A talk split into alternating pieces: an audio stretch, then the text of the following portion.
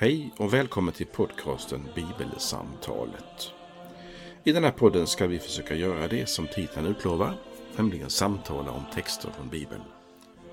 Vår tanke är att varje vecka dela ett samtal om den text från något av evangelierna i Nya Testamentet som är särskilt aktuell den kommande söndagen. Fokus är just samtalet. Kanske kan det inspirera fler till att samtala om bibeltexter. Välkommen att vara med i samtalet på något sätt. Vi som gör den här podden det är Fredrik Borglin, kommunister i Istorps pastorat och Karl Magnus Adrian, präst bland annat tidigare i just Istorps pastorat. Välkommen att vara med.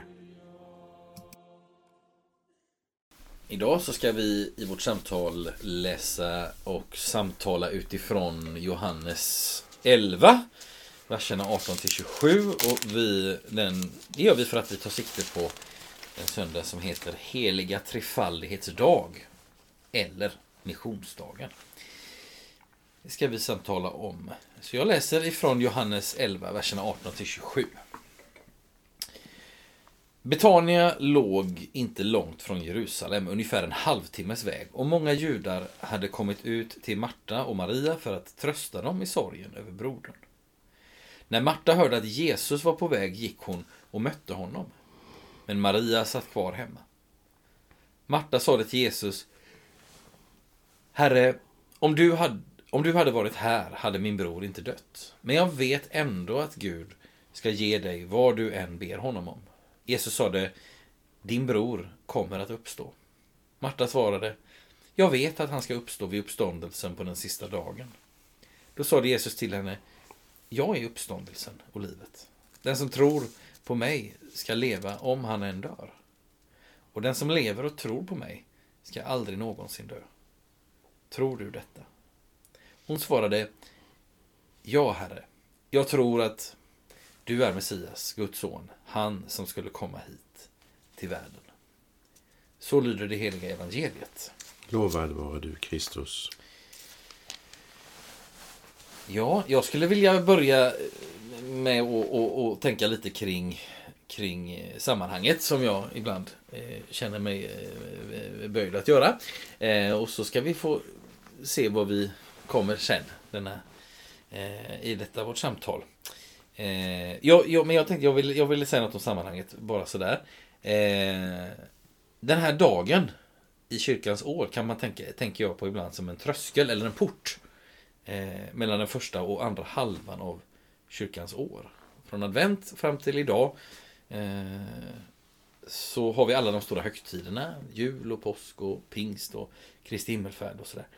Eh, och, och de handlar ju om och, ja, vad, har Gud, vad har Gud gjort för oss människor? Han har fötts, han har eh, levt, lidit, dött, uppstått, stigit upp till himlen och sänt sin ande. Eh, första halvan av kyrkans år. Och så idag så är det heliga Trefaldighets dag och vi går in i den här långa tiden, trefaldighetstiden som avslutas med dom, domsöndagen. Eh, och sen är det nytt år och sådär. Och, och, det är massa söndagar, första, andra, och tredje, och åttonde och fjortonde och allt vad de heter. Efter trefaldighet. Och skulle man försöka sig på att sammanfatta den tiden som vi nu har framför oss så är det Skulle det kunna vara någonting i stil med att leva med Kristus eller att eh, vårt svar på vad Gud har gjort. Eller att, ja, att nu, har, nu har Gud han har gripit in och vi får svara på det i våra liv genom tro och liv. Och då så står vi på den här tröskeln och tröskeln in den här söndagen har överskriften så här. Gud, Fader, Son och Ande. Så det här, här söndagen handlar om vem Gud är. Eh, och det är ju att Gud är den han är. Det är ju förutsättningen för att vi ska kunna leva med Kristus. Så kan vi tänka på sammanhanget Johannes 11. Jesus ska snart rida in i Jerusalem för sista gången. Han är i Betania hos sina vänner Marta och Maria. Lazarus är död. Jesus, det, han har dött alldeles före vår text. Jesus ska uppväcka honom alldeles efter vår text. Och så kommer det här samtalet idag. Eh, där Jesus bland annat säger Jag är uppståndelsen och livet. Vad tänker du, vad fastnar du för här Carl i samtal och teman och texter och allt sånt där? Ja, jag tänkte först på dagen och temat mm. om treenigheten och den heliga trefaldigheten, eller den heliga treenigheten. Mm. Och då är det så för oss som, eh, som följer evangelieboken i kyrkan, Mm. alltså i psalmboken Mm. i vårt fall. Eh, så vet vi att vi har ju, som du sa, ett tema som ju handlar om, i det här fallet, den heliga trefaldigheten, eller treenigheten. Mm. Och sen har vi texter som inte absolut tar upp temat kring varje söndag. Mm. Så är det ju.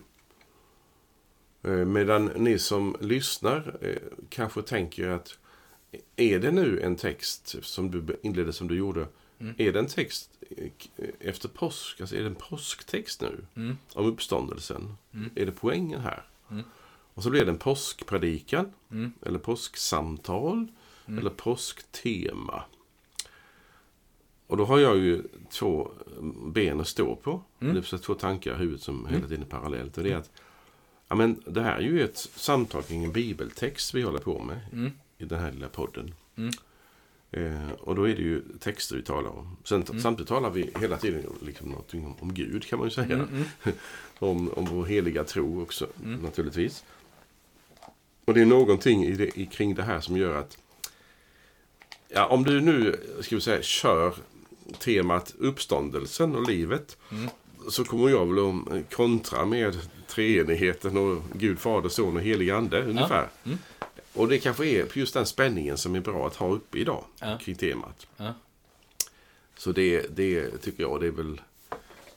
Så att när du nu tar till orda efter min eh, första in, inledning så kommer du kanske att återvända till uppståndelsepredikan.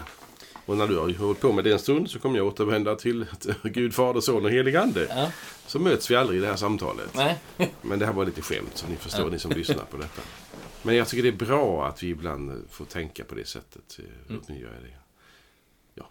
Jag kan då, därför kan jag ställa en fråga till dig innan Mm. du fortsätter med ditt tema. Ehm, Tycker du att det är en vettig sak att ta upp det här med de dubbla linjerna, liksom i dagens, dels texten uppståndelsen, påskpredikan och dels Fader, Son och Helig Ande, trefaldigheten, treenigheten. Ja, det tycker jag. För att jag tänker så här att det är... Det är ju någon, att, att, att, vi, att Gud är treenig, det är någonting som vi ändå samlas kring varje, eh, varje söndag. För vi säger jag tror på Gud Fader allsmäktig och så jag tror och på Jesus Kristus, jag tror och på den heliga Ande. Så det finns med.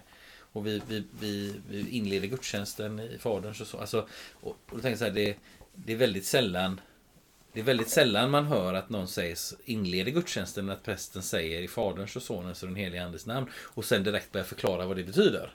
Eller direkt börjar resonera om, om, om treenigheten eller ge mig som, när jag då är gudstjänstbesökare, ge mig liksom verktyg för att förstå detta.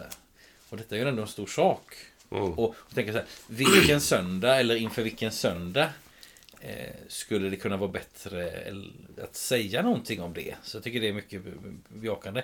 Sen, och det är ju en, ett dike jag ibland fastnar i som jag vill upp ur. Det att säga så här, vad, finns treenighet i den här texten? Men det, det tycker jag, det, det kan vi lämna därhän. Det kan vi lämna därhän. Eh, Men om jag får, ska säga, det som jag har, det som jag framförallt har fastnat för idag, eller liksom eh, Svarar jag på din fråga nu? Funderar jag på.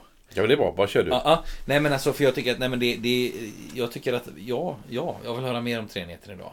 Och så tycker jag att eh, det, det är intressant det här. eh, Det här att Jesus säger jag är uppståndelsen och livet.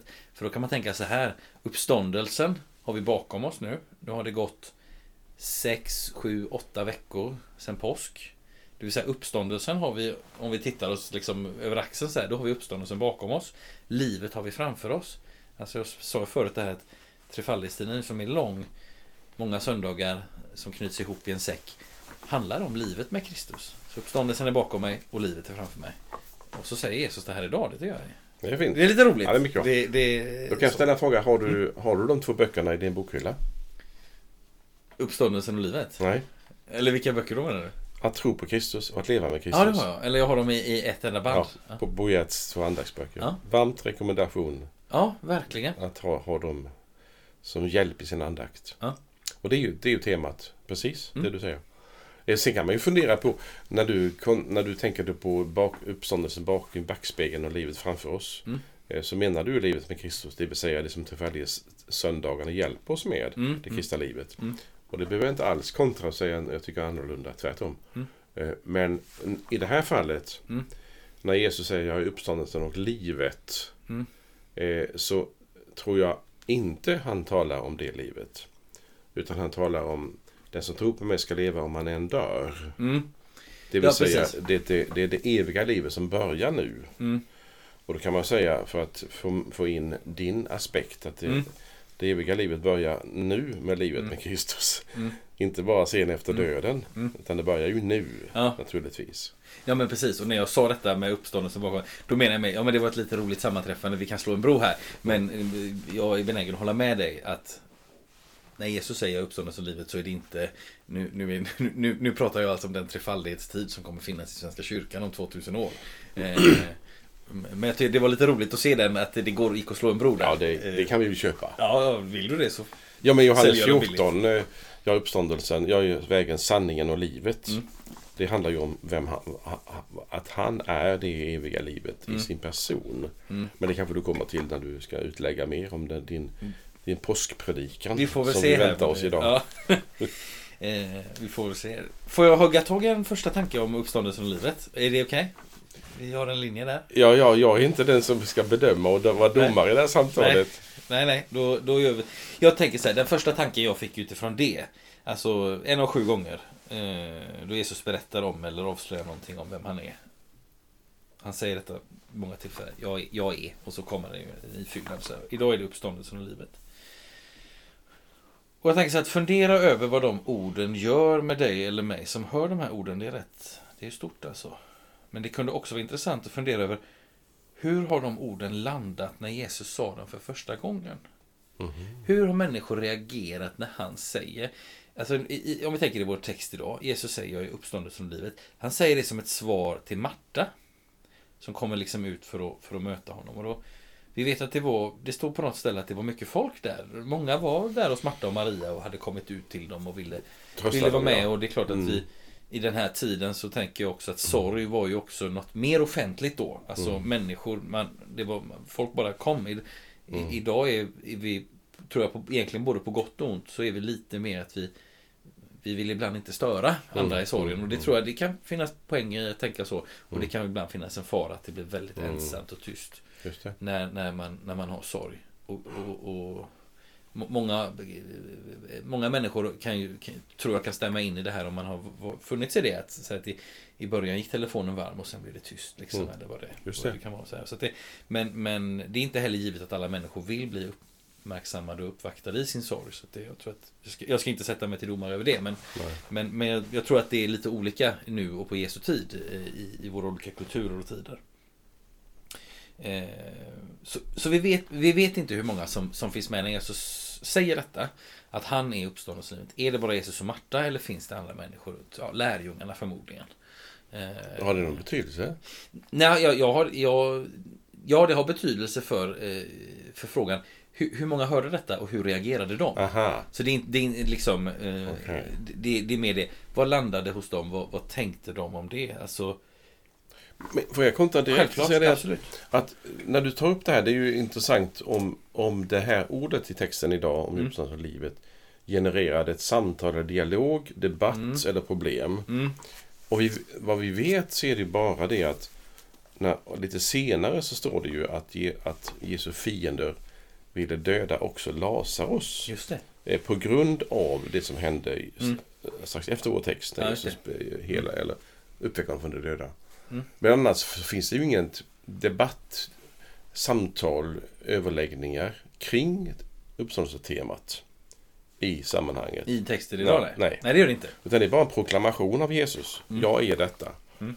Och eh, det, det handlar väl då om det som, det som vi vet och har sagt ett antal gånger att, att uppståndelsetron finns ju inte på plats hos lärjungarna Mm. alls. Även om Jesus har talat om det, lida, Mm. dö, uppstå ett antal gånger i evangelierna. Så, är, så är ju inte uppståndelsetron på något vis levande, aktiv hos Nej. lärjungarna. Nej. Utan den är ju, ja, de tror ju inte alls att det är så. Nej. Det märker vi med påsktexterna. Det Ja, var ja. väldigt oväntat. liksom. Absolut. Mm.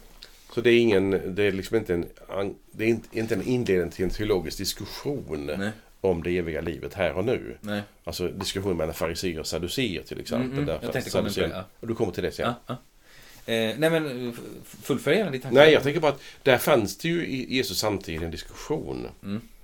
kring det eviga Mm. livet och Mm. uppståndelsen inte minst då. Mm. Eh, framförallt var det uppståndelsen som var kontroversiellt ju. Mm. Eh, medan Jesus talar både om det och om det liv som aldrig dör. Och det kommer ju i Mm. texten idag. Mm. Den som tror på mig ska leva om han än dör. Så att både Mm. döden och uppståndelsen, det eviga livet, finns ju på plats i Jesu undervisning. Han säger inte nej. Han säger inte Mm. den lekamliga döden, nej. Jo, den kroppsliga döden, ja. Mm. Och det eviga livet, ja. Mm. Med start här och nu. Mm. Eller? Och det är klart, vi, vi, det vi, kan, vi kan ta fasta på detta när Jesus talar om sig själv som uppståndelsen.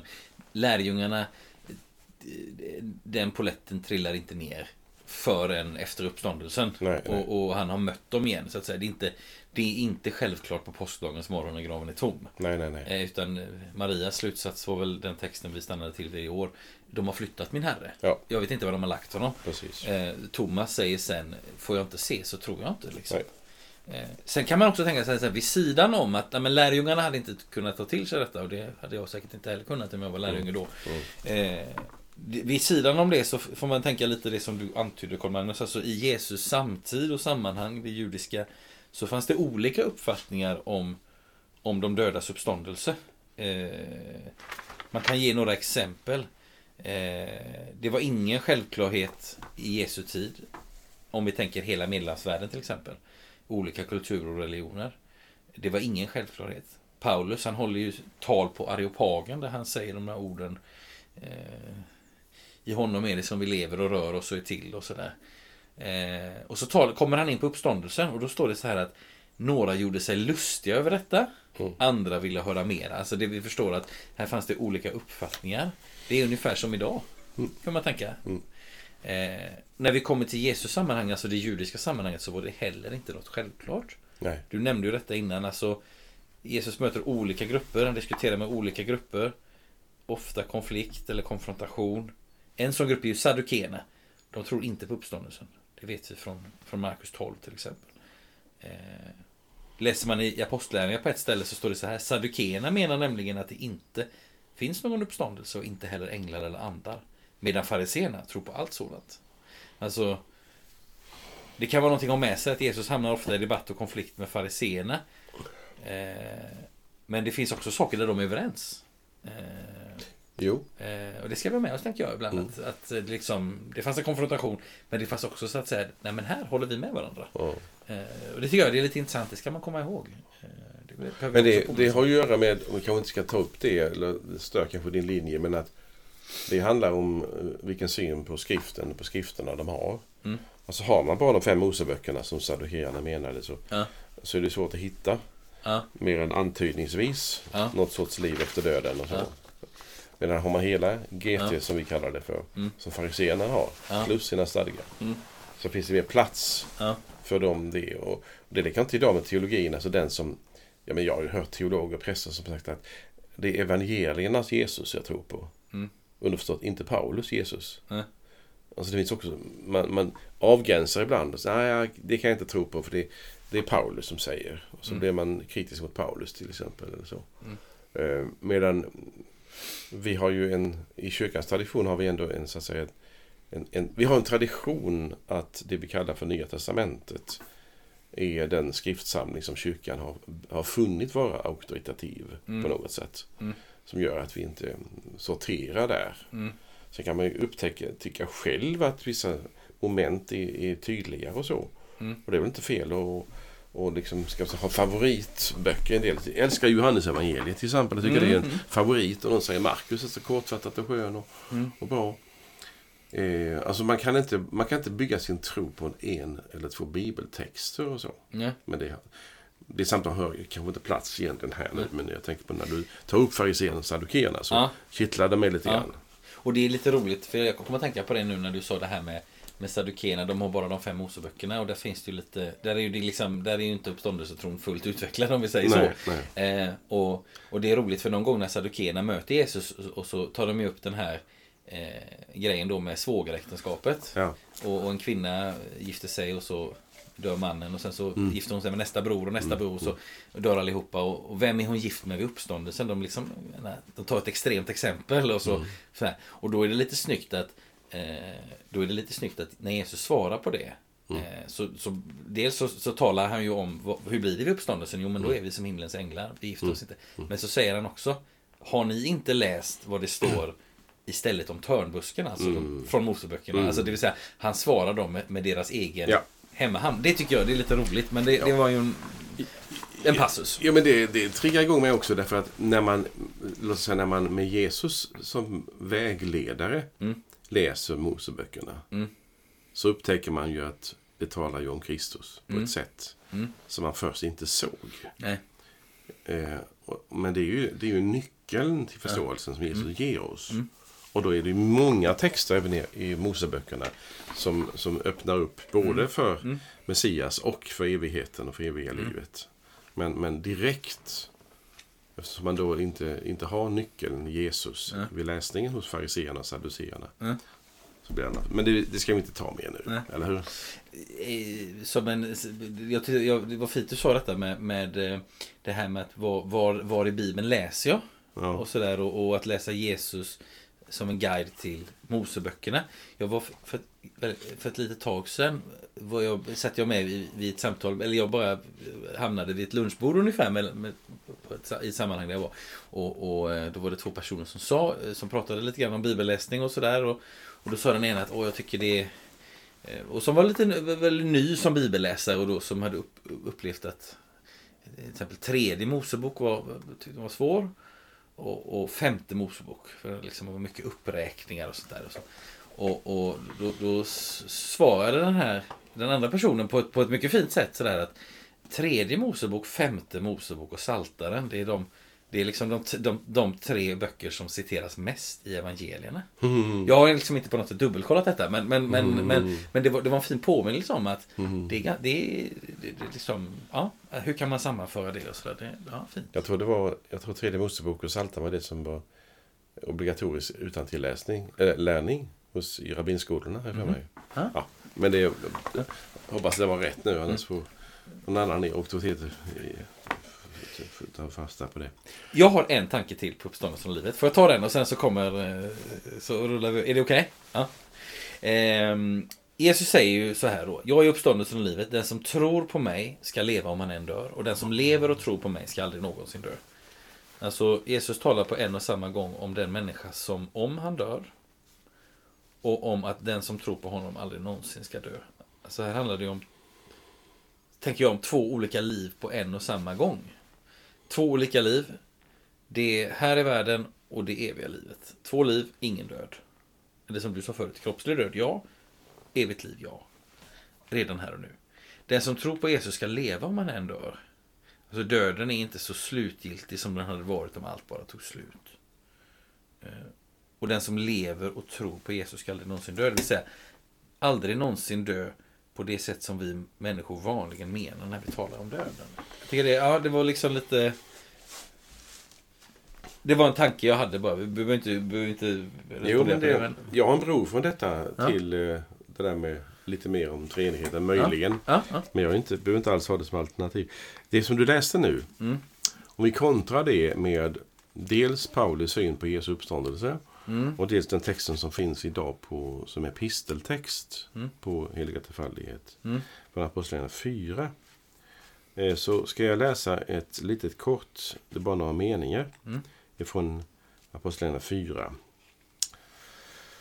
Det är Petrus som talar till folket.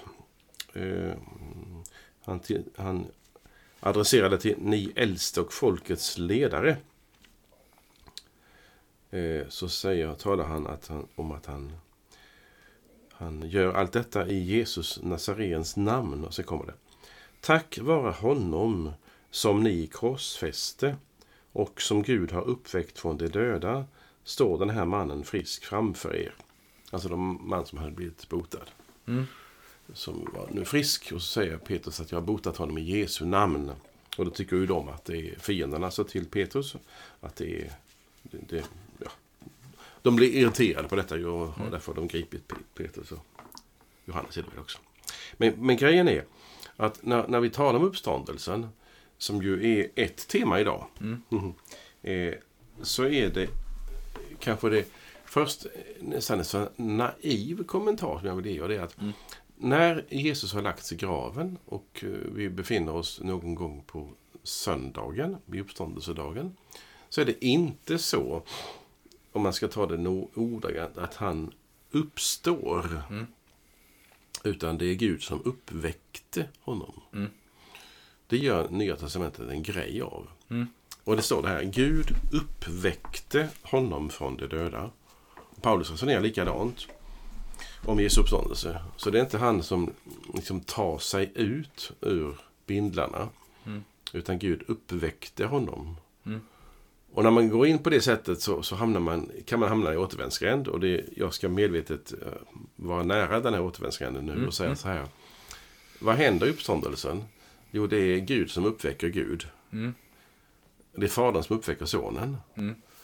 Det är Gud som är aktiv i detta. Och Gud ska uppväcka oss på den sista dagen. Kan vi, eller står det också som vi vet. Alltså det är någonting med uppståndelsen där Gud agerar in i den döda kroppen och gör någonting med den.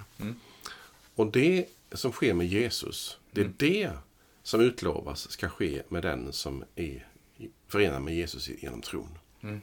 Att han ska uppväcka er som han uppväckte Kristus. Det är, ju, det är ju tron. Och då är det ju mm, bron, den lilla bron som du anar, det är ju bron ifrån sonen till fadern nu. Alltså Jesus dör och Gud uppväcker sonen på den tredje dagen, på påskdagen. Eh, det gör att när vi talar om vår eget eviga liv, som ju vi började med, som du tog upp först. Den som tror på mig ska leva om han än dör. Eh, så talar vi om det livet som finns, så att säga, för nu och efter döden. Meningen fortsätter. Den som lever och tror på mig, alltså lever nu och tror på Jesus, den ska inte dö. Det vill säga, den ska inte drabbas av den eviga döden, bo- borta från Gud. Utan då ska Gud uppväcka honom. Och så resonerar Paulus också i, i Korintierbrevet kapitel, det första i kapitel 15 om att Gud uppväcker från de döda. Alltså går in och, och då är, det, då är den, då sonen den första han uppväcker. Han är förstlingen från de döda. Han är liksom huvudet för kroppen. Och vi förenas med Kristus i hans kropp. Och då är huvudet så att säga, uppstånd, uppstånden i, genom Jesu uppståndelse. Och då ska kroppen följa med vid ett tillfälle. Men vi ska alla som Kristus dö. Och vi ska alla som Kristus uppväckas en gång. Det är ju vad jag förstår poängen med kopplingen. Sen vill jag akta mig för den här återvändsgränden. Kul om du har någon kommentar till det. Alltså, där, kyrkan vad jag sitter, har ju inte sagt och lärt följande. Gud dör och Gud uppväcker Gud. Utan det var bara mitt sätt att något provocera mig själv till att stå, stå kvar i detta. Är att Gud är aktiv i döden och i uppståndelsen. Eh, och, och det som jag tycker det här är spännande med det är att när vi sen talar om skapelsen så talar vi ofta om att vi tror på Gud, Fader, allsmäktig, himmelens och jordens skapare. Och då ger vi Fadern, ska jag säga, en roll som skapare. Och så säger vi, ja det, det får inte sonen lägga sig i. Nej, just det. Nej, det Och inte anden heller. Nej. Hallå? Utan det är liksom en sorts eh, fördelning av eh, deras förmåga. Det här är väldigt dumt sagt, för jag menar ju inte det. nej. Som jag nu travesterar emot. Ja.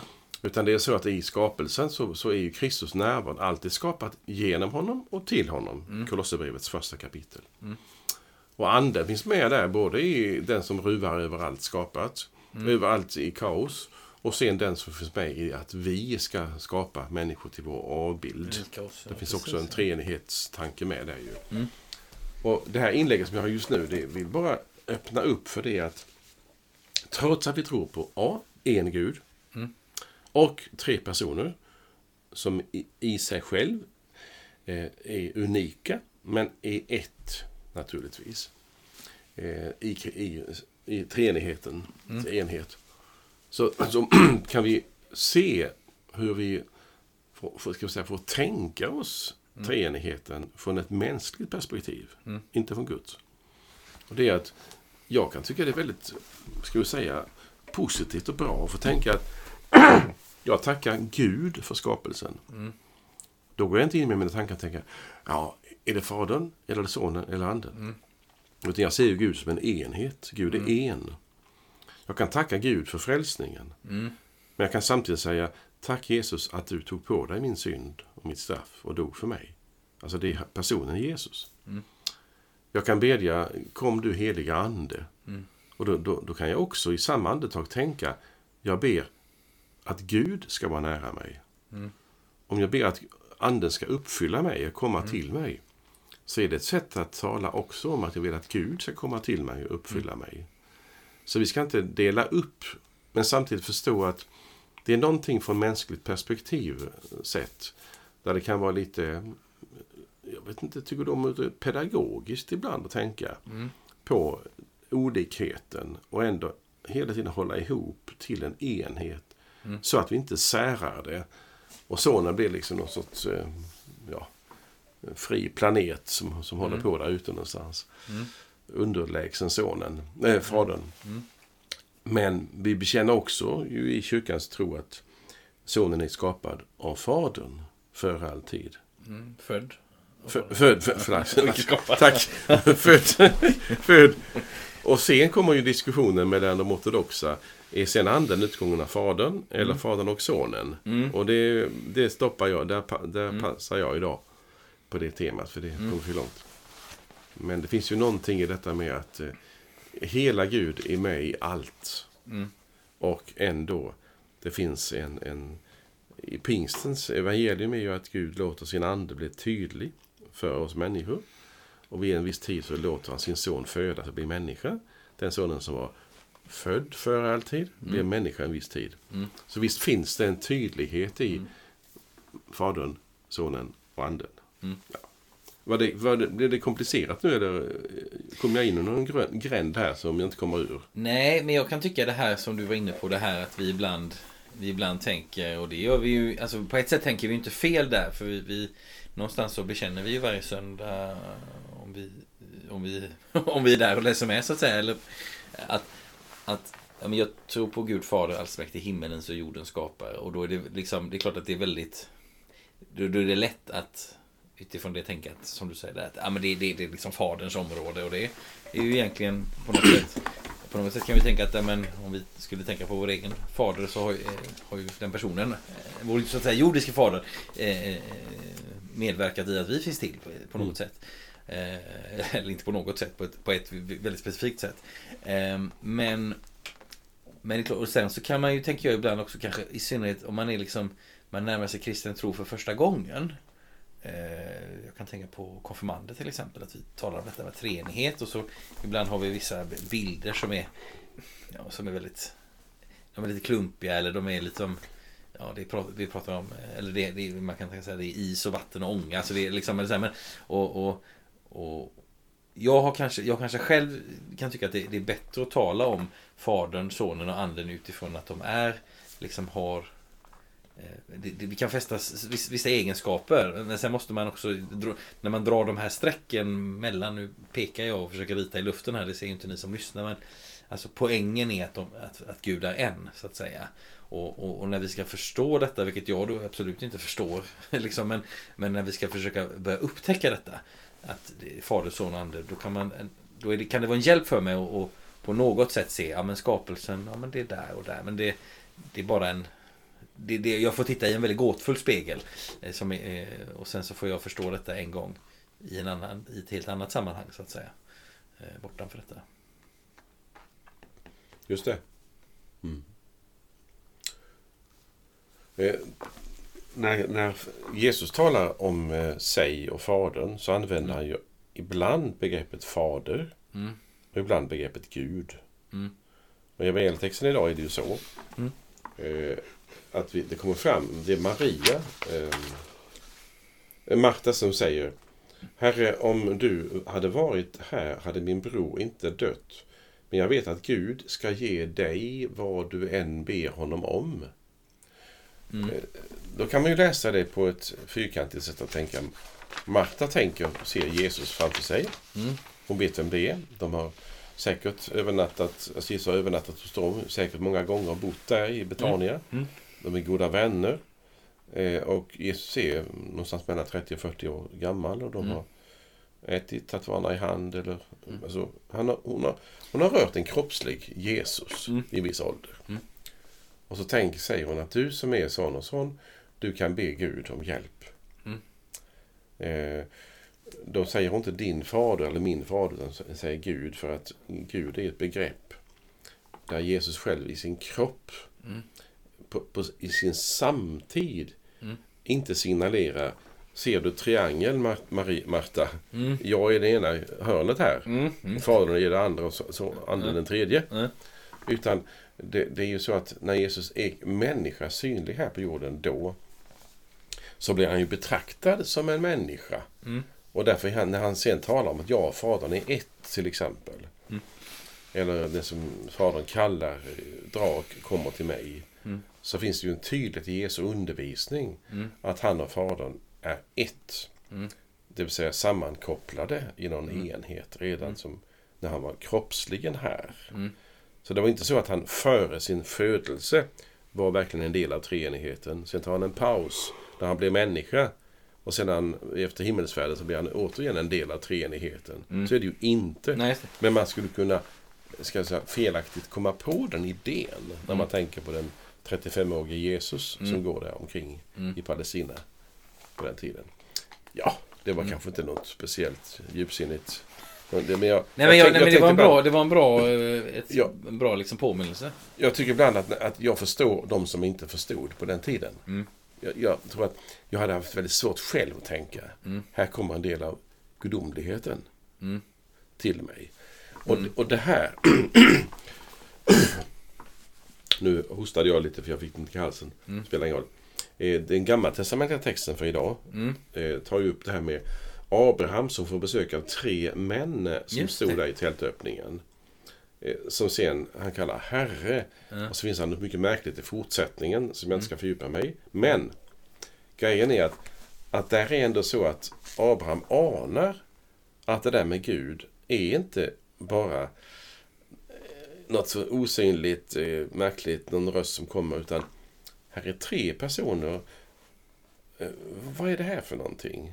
Alltså en antydan om en, en sorts eh, treenighetstanke på ett mycket fördolt sätt skulle jag säga. Väldigt fördolt. Mm. Så fördolt man, att man skulle kunna, om man inte trodde, skratta åt det. Så då fördolt är det. Men här finns ju en hemlighet på något vis att sammanhålla detta. Mm. Sen kan jag tycka att... eh, Vill du hoppa in där? Nej? Nej, kör. kör. Jo.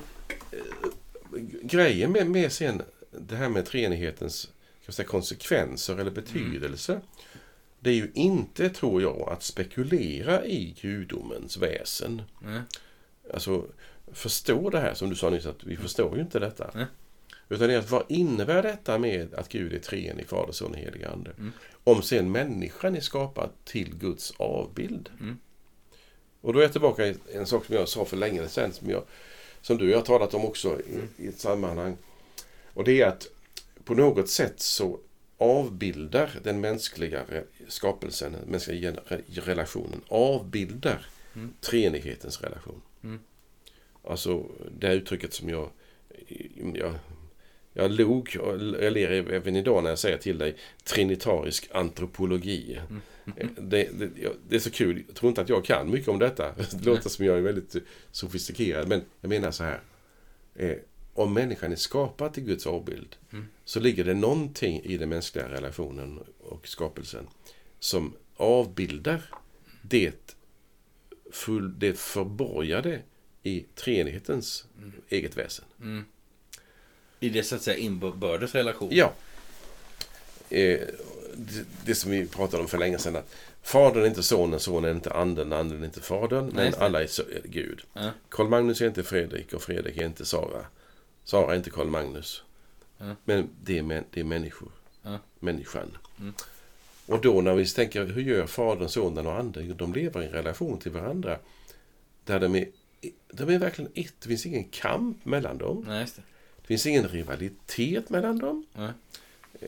Och, och alltså, att spekulera kring gudomen, det kan inte en människa göra. Nej. Och det låter ändå som, som vi håller på med det, kanske Mm. just jag, i detta ögonblick. Men jag menar inte att jag förmår fatta höjden och bredden och djupet av detta. Men eh, det stora för mig det är att det är någonting i vår relation här på jorden där jag ser upp till treenigheten och tänker Gud, låt mig om möjligt på något sätt vara med om att gestalta treenighetens gemenskap här på jorden. Mm. Om det är möjligt. Mm. Det låter förmätet att, säga att jag gör det, men jag, jag skulle vilja göra det. Mm. Och hitta också då eh, och tänka så här, tänk om det är så att en del av treenighetens eh, hemlighet för- i, i den mänskliga sy- synen på människan, det är också synen på vår utrustning, våra gåvor, våra Mm. pund, and, nådens gåvor som har getts oss. Där allting ska uppbygga Kristi kropp. Så du och dina gåvor, och jag och mina gåvor, Mm. eh, har ett enda syfte. Och det är församlingen som ska växa, mogna, utvecklas. Eh, Medan när det blir illa däran så jämför vi oss med varandra, så blir Mm. rivalitet, Mm. högmod eller motsatsen. Mm. Men i treenigheten så säger man tack gode Gud för Fredrik, tack gode Gud för Karl Magnus. Mm. Eh, olikheten är en rikedom. Eh, medan i bästa fall, och det stämmer inte på människan, så säger man ja det är skönt med prästen Fredrik Karl Magnus. Mm. Eller i, församlingen här Fredrik Daniel. Mm. Ja men det är två olika personer Mm. som har helt olika framtoning. Mm. Tack gode Gud för det. Eh, det vill säga rikedomen i olikheten. Mm. Därför det finns en enhet. Mm. Och enheten skulle kunna vara då den gemensamma heliga tron. Som är sammanfattad, tycker jag, på ett bra sätt i, i de trosbekännelserna som vi Mm. står inför. Det vill säga nicenska och den apostoliska. Jag kommer att tänka på det här, jag vet att vi var inne på något lite liknande för några, några, några avsnitt sen. Vi pratade om det här med att, så att säga att eh, nu, nu citerar jag väldigt vagt här för jag, minnesbilden är lite eh, sladdrig. Men alltså på det här att, att lära känna eh, Gud, lära känna att liksom, upptäcka treenigheten handlar både så att säga om de tre personerna och om deras inbördes relation. Och vi var vid någon text för några veckor sedan som handlar om speciellt relationen mellan fadern och sonen. Alltså det är Jesus som talar någonting om jag och fadern. Eh, och jag vet att det minns jag inte mer vad som sades då. Men, men, och inte heller vilket avsnitt det var. Men det var nu i påsktiden. Men eh, då kan man konstatera så här. Här, här kan Johannes evangeliet ge oss mycket. Eh, kan Johannes evangeliet ge oss kanske särskilt mycket om, om just de här frågorna. Eh, sa vi då kan vi också säga nu. Mycket, ja, absolut. Mm. Har du någon mer tanke som du har fastnat vid Carl Magnus här? Vi har tittat på vårt lilla tidur som står här och ser att det är Ja. rätt så. Nej, jag tänkte om du har du liksom fått ihop cirkel. Du började ju med eh, upp- påskpredikan kan man Ja, kalla, det. kalla det för. ja, som ja. jag är glad för att du Mm. drev där. Mm. Och eh, vi kombinerade det med, med eh, utblickar kan man säga. Mm. I det vi kallar för treenigheten. Mm. Men eh, skulle vi återvända tillbaka igen till evangelietextens Jag tänkte, jag, jag tänkte, jag hade bara, jag hade bara liksom två, två, två meningar för att liksom fejda ut. Du ser ut som att du har slagit upp någonting du vill läsa. Nej, nej, jag Nej. väntar med det. Ehm, för eh, om man, skulle, om man skulle säga ett slutord nu, vi börjar närma oss den här ramen som vi har satt upp för ett, rent tidsmässigt. Om man tänker så här, om vi nu... Det var ju en lite sökt sak sådär, men, men om man nu tänker på Jesus säger uppståndelsen och livet. Uppståndelsen har vi bakom oss och, och livet har vi framför oss, alltså trefaldighetstiden där vi får reflektera över och fundera över vad, vad, vad innebär livet med Kristus. Eh, så man tänker också så här, man kan också tänka på när Jesus säger jag är uppståndelsen och livet som en beskrivning av hela det fält där Jesu omsorg om oss människor utsträcker sig.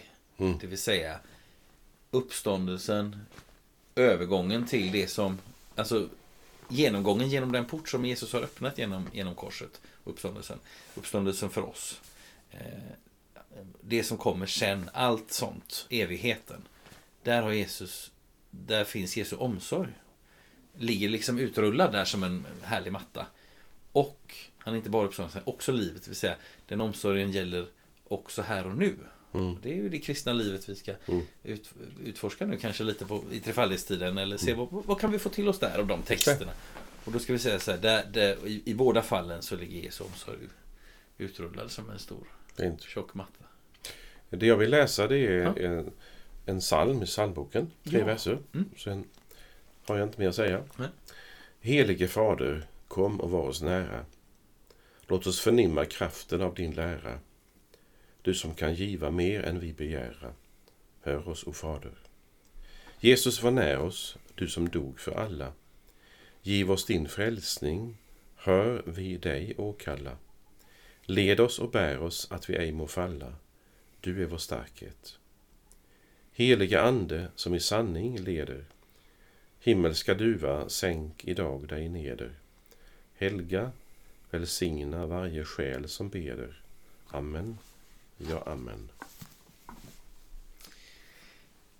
Tackar dig som har lyssnat till detta. Hoppas att du fått med dig någonting att fundera över eller samtala vidare med någon om. Eh, tills vi hörs igen så önskar vi dig som har lyssnat allt gott och Guds välsignelse. Hej då! Hej då.